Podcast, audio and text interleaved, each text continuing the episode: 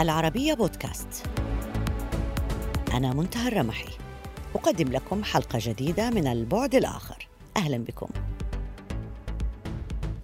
سنة 1945 وبينما ألمانيا النازية تلفظ أنفاسها الأخيرة بدأت الاستخبارات الأمريكية عملية عرفت لاحقا باسم Operation Paperclip أو عملية مشبك الورق. وهدف هذه العملية هو جلب أكبر عدد من العلماء النازيين إلى أمريكا. غنائم الحرب العلمية مثل هذه حققت لأمريكا طفرة في أبحاث الفضاء والصواريخ طوال فترة الحرب الباردة.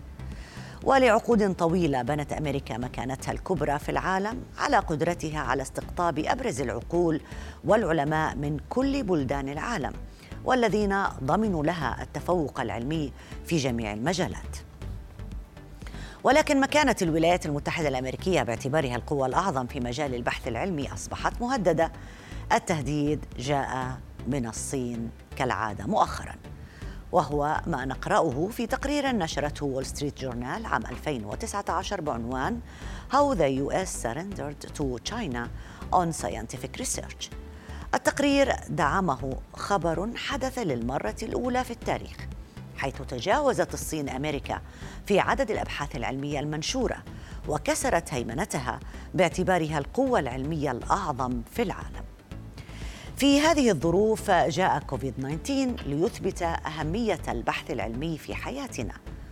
كل أنشطة البشر الاقتصادية والاجتماعية والثقافية أصبحت رهينة بما يفعله العلماء في معاملهم وبقدرتهم على ابتكار اللقاح المناسب.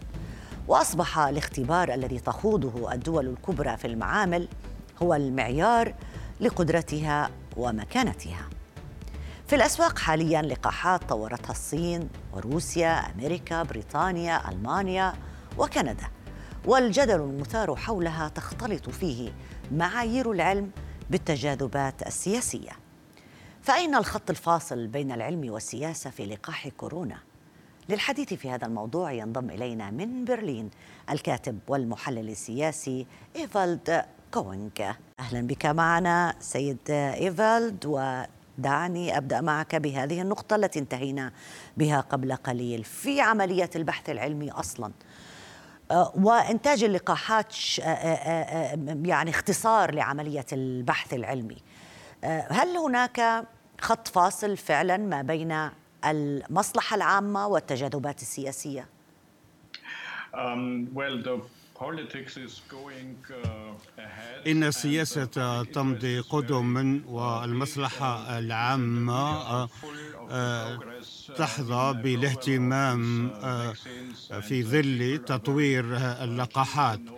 والناس ينتظرون معرفة الخطوات المختلفة قبل تطعيمهم.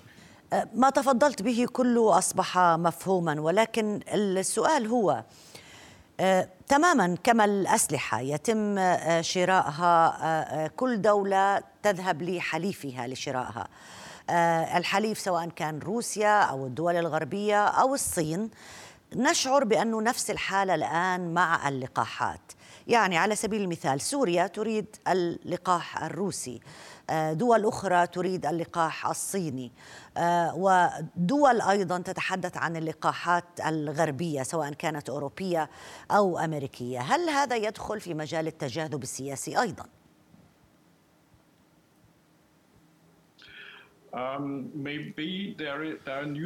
قد يكون الأمر كذلك.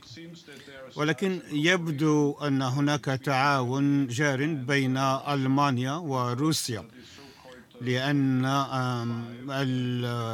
اللقاح سبوتنيك خمسة اللقاح الروسي يمكن أن يحظى على الموافقة الألمانية لتصنيعه في ألمانيا. هذا ليس امرا نهائيا ولكن هناك مشاورات تجري بشأنه فيما بين السياسيين. وهناك صفقة أخرى.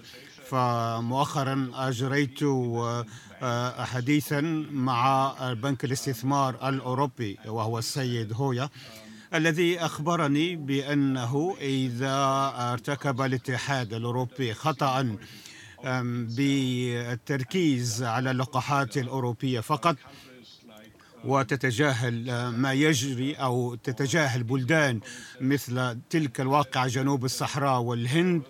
فهو قال بأنه عندما يصل الفيروس إلى هذه البلدان ولا سيما الأحياء الفقيرة منها فسيكون هناك الملايين من المهاجرين الذين سوف يأتون إلى أوروبا وقد يحملون الفيروس معهم. لذلك ينبغي مساعدة هذه البلدان أيضا وعدم التركيز فقط على المصلحة الأوروبية. كم يمكننا أن نقول بانه عالميا يتم التعاون في المسائل الخطيرة والكبرى كالمسائل الصحية كالبحوث العلمية. الآن ما حدث في لقاح كوفيد 19 آه، لاحظنا أنه تسابقت الشركات والدول على إنتاج هذا اللقاح. آه، حتى الآن سنرى كيف سيتم توزيع اللقاح. ولكن كان السؤال الأبرز أو في بعد آخر من عملية التلقيح. البعض آمن باللقاح الصيني كما البعض آمن باللقاح الروسي وآخرين آمنوا باللقاحات الغربية. لماذا هذا التفريق؟ يعني لماذا لا يكون هناك آه، آه، دعم من كل الجهات؟ لماذا نقول هذا اللقاح أفضل من ذاك؟ Uh, um, أعتقد أن الأوروبيين لا يثقون آه، كثيرا بما يجري في روسيا والصين. هم يعتقدون أو يصدقون ويؤمنون باللقاحات الأوروبية التي هي أكثر موثوقية ولها آه، أعراض جانبية أقل. وأعتقد أن أغلب الألمان والأوروبيين آه، وربما الروس أنفسهم لا آه، يفضلون أن يتم تطعيمهم باللقاح سبوتنيك خمسة. وطبعا الأوروبيون كما قلت يفضلون اللقاحات الأوروبية. طيب دعنا أعود معك للمسألة الأساسية أيضا لها علاقة ب آه، هذا الصراع العالمي ما بين الولايات المتحدة الأمريكية والصين. آه، كان كنا نقرأ الصراع الاقتصادي ثم تحول إلى الصراع على التكنولوجيا صراع على آه، من يملك حجم أكبر من المعلومات. عن العالم الآن في البحوث العلمية الأساسية حسب التقارير الأخيرة يبدو أن البحوث العلمية المنشورة في المجلات العلمية يبدو أن الصين تتفوق على أمريكا بالأرقام هل هذا سيكون أيضا سيفتح بابا لحرب باردة جديدة بين الصين وأمريكا حول هذا الموضوع؟ هذه فكرة أو سؤال يصعب ربما الإجابة عليه. قد آه، يحدث ذلك.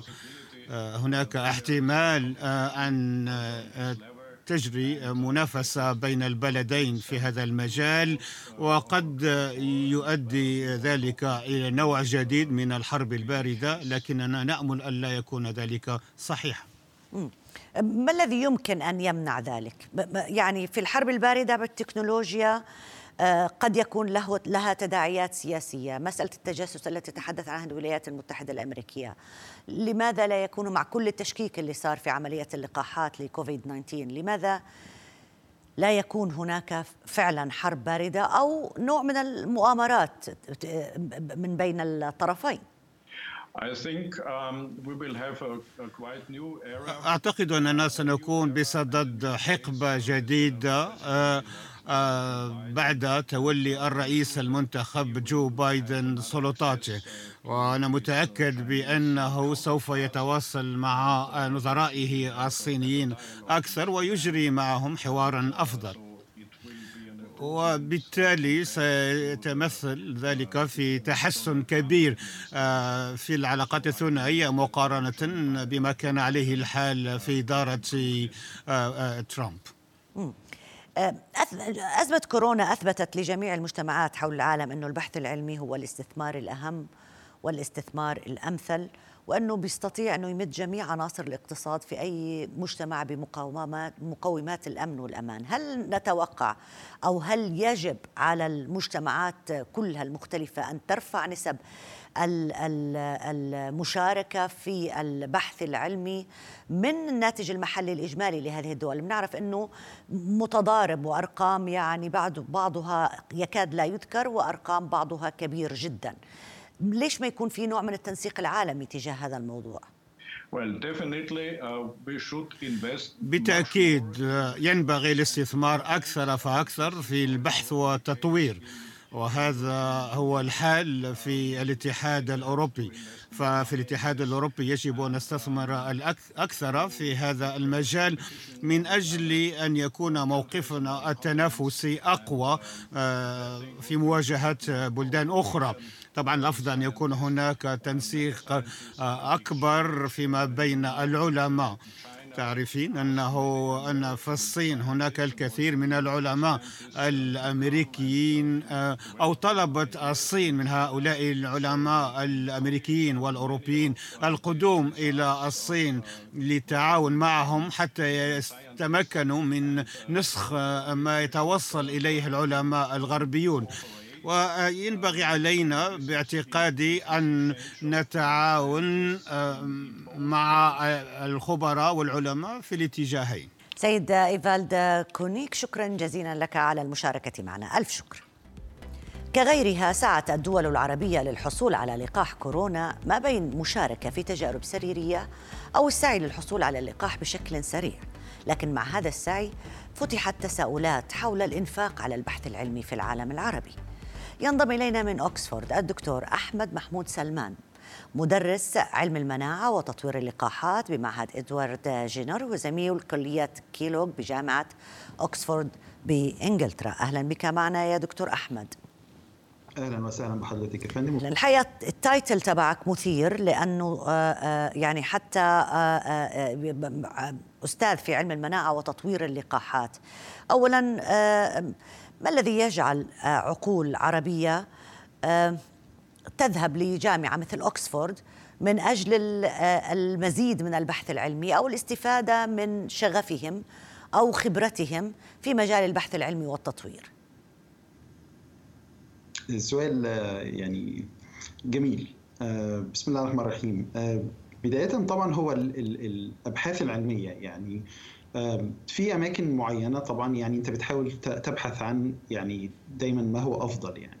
فلو هتكلم تحديدا عن جامعة اوكسفورد هي متميزة جدا في المجال البحث الطبي وفي مجال تطوير اللقاحات. فيعني كان في شغف من بداية المشوار يعني والتخصص أنه يكون في هذا المجال في الأمراض المعدية وفي يعني أفضل طريقة يعني محاربة هذه الأمراض المعدية عن طريق اللقاحات. لأنه يعني اللقاحات بصورة أساسية بتعمل بمبدأ الوقاية خير من العلاج أنت يعني بتحمي نفسك من المرض أصلا أو من حدوث الأعراض وبالتالي يعني كان شيء ممتع جدا إن هو يتم التخصص في هذا المجال. ويعني كان في تحرك في أكثر من مكان يعني قبل أن أكون في اوكسفورد يعني كان في جزء من هذا البحث موجود في يعني خلال الماجستير في جامعة كوبنهاجن في الدنمارك. هو من ثم يعني كليه الطب بجامعه هايدلبرغ ثم لايدن ثم اوكسفورد مؤخرا يعني خلال الثمانيه سنوات اللي فاتت يعني خلال دراسة الدكتوراه وما بعد الدكتوراه. تصطدموا دكتور بحجم الإنفاق على البحث العلمي في العالم العربي عندما تفكروا كعلماء بالبحث عن المزيد في هذا المجال. هل هل هناك مساعدة؟ هل هناك في حجم إنفاق؟ هل هناك تمويل؟ ولا هذه يشكل حائط صد فتضطروا للذهاب للدول الغربية؟ ده يعني حقيقي وواقعي بشكل كبير جدا. للأسف يعني أنا أتفق مع حضرتك في نفس المصطلح اللي قلتيه أنه يعني الاهتمام بالبحث العلمي والإنفاق على البحث العلمي بصورة أساسية في الدول العربية عموما. يعني وإن كان في يعني مؤخرا بعض الاهتمام ولكن ما زال يعني نأمل أن يكون هناك المزيد. آه لابد أن يعني يتم الإنفاق والاستثمار في هذا المجال لأنه آه يعني شيء مهم ليس فقط حتى للمجال الصحي يعني نتكلم على الإنفاق بشكل عام في الأبحاث العلمية ولكن في المجال الصحي تحديدا هو ليس له يعني تأثير فقط على الصحة مثلا آه بصورة يعني حصرية زي ما إحنا شفنا في الوقت الأخير يعني وأتمنى أن يكون يعني هذا الدرس القاسي نتعلم منه للمستقبل أي مشكلة في الصحة على نطاق واسع بتؤثر بصورة مباشرة على حياتنا الاجتماعية على الاقتصاد على الاستثمار على أي حاجة فيها حتى الحياة البسيطة جدا السوشيال من رؤية الأهل والأصحاب والكلام ده كله. فالإنفاق لابد إعادة النظر فيه. يعني في الدول اللي بتنفق على البحث العلمي طبعا هو استثمار بعيد المدى. يعني آه، دي لابد أن يتم وضعها في الاعتبار لأنه آه، إن أنت تستثمر وتنتظر النتيجه مثلا خلال سنة لا ده صعب. لأنه في نسبة يعني ريسك أو فشل عالية جدا في البحث عن شيء جديد وتطويره. وبالتالي لابد أن يعني يكون في صبر ومثابرة وإنفاق ويعني آه، وضع خطة طويلة المدى حتى ترى ثمار ذلك على المدى البعيد. إحنا في المقدمة أشرنا دكتور لشيء اسمه غنائم الحرب العلمية اللي هي كانت في عملية مشبك الورق لعقود طويلة الولايات المتحدة الولايات المتحدة الأمريكية بنت مكانتها الكبرى في العالم على أساسها. هي البحث العلمي واستقطاب أبرز العقول والعلماء من كل بلدان العالم في كل المجالات في الفضاء في الطب في غيره. كم تتوقع أن العالم العربي خاسر من هجرة العقول بهذه الطريقة للعالم الغربي؟ وحديثا صار الصين. ده ده حقيقي جدا. يعني آه، للأسف يعني هي ثروة مهدرة بشكل كبير جدا. ونتيجة هذا الإهدار يعني في ثروات أخرى بتبقى موجودة في العالم العربي لا يتم الاستفادة منها. نتيجة عدم وجود يعني الخبرات والعقول اللي ممكن تقدر تحول هذه الثروات يعني لأشياء آه، ثمينة وغالية جدا يعني. فزي ما حضرتك قلتي يعني هو أي دولة عظمى بشكل أساسي بنت هذا التطور أو هذا الرقي والتقدم بناء على العلم. يعني هو الطريقة الأساسية وال يعني المخرج الأساسي لهذا المكان. يعني إن أنت تكون في مقدمة الأمم سواء في الأبحاث يعني كل المجالات سواء طبية عسكرية أبحاث هندسية أبحاث يعني طرق تعليمية الكلام ده كله تكنولوجية. فهي دي الأساس. ويعني طبعا زي ما حضرتك ضربت المثال بالولايات المتحدة الأمريكية أو مثلا بإنجلترا فهي دول يعني بتفتح هذا المجال. يعني بيبقى التنافس والهجرة بناء على تنافس في مجال العلم ومجال يعني المعرفة. يعني لو هضرب مثال مثلا بالمجموعة اللي أنا شغال فيها آه، هي تقريبا مجموعة المجموعة الصغيرة يعني حوالي 20 شخص آه، في المجموعة البحثية اللي أنا شغال فيها لا يوجد فيها غير يمكن ثلاثة إنجليز أو يعني بريطانيين الأصل. وطبعا مصري أسباني إيطالي يعني هندي جميع الجنسيات بصورة يعني آه، عشوائية جدا ولكن ما يجمعهم هو الحب البحث العلمي والمعرفة والكلام ده كله. فهو ده الأساس ويتم يعني كل واحد له تخصص وكلنا بنكمل بعضنا. بغض النظر عن أي يعني فروقات في الجنس أو اللون أو المرجعية أو العقيدة أو كل حاجة.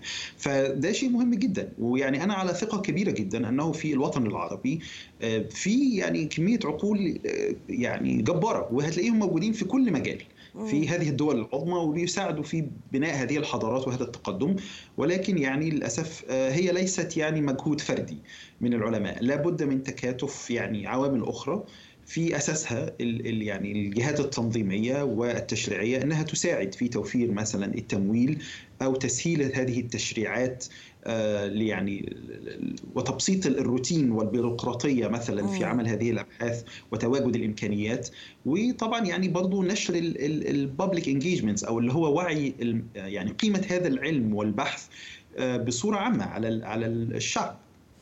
أو المجتمع أي. لأنه لازم يكونوا صح. مؤمنين بقيمة هذا لأنه جزء من الضرائب أو الإنفاق بيروح لهذا البحث صح. لازم يكونوا مؤمنين بأهميته بشكل كبير جزء من الناتج المحلي الاجمالي يجب أن يصرف على البحث العلمي هلأ في الأبحاث حول كورونا لقاح كورونا وحضرتك عضو فريق بحثي في اوكسفورد بالرغم من الوصف الذي ذكرناه في البداية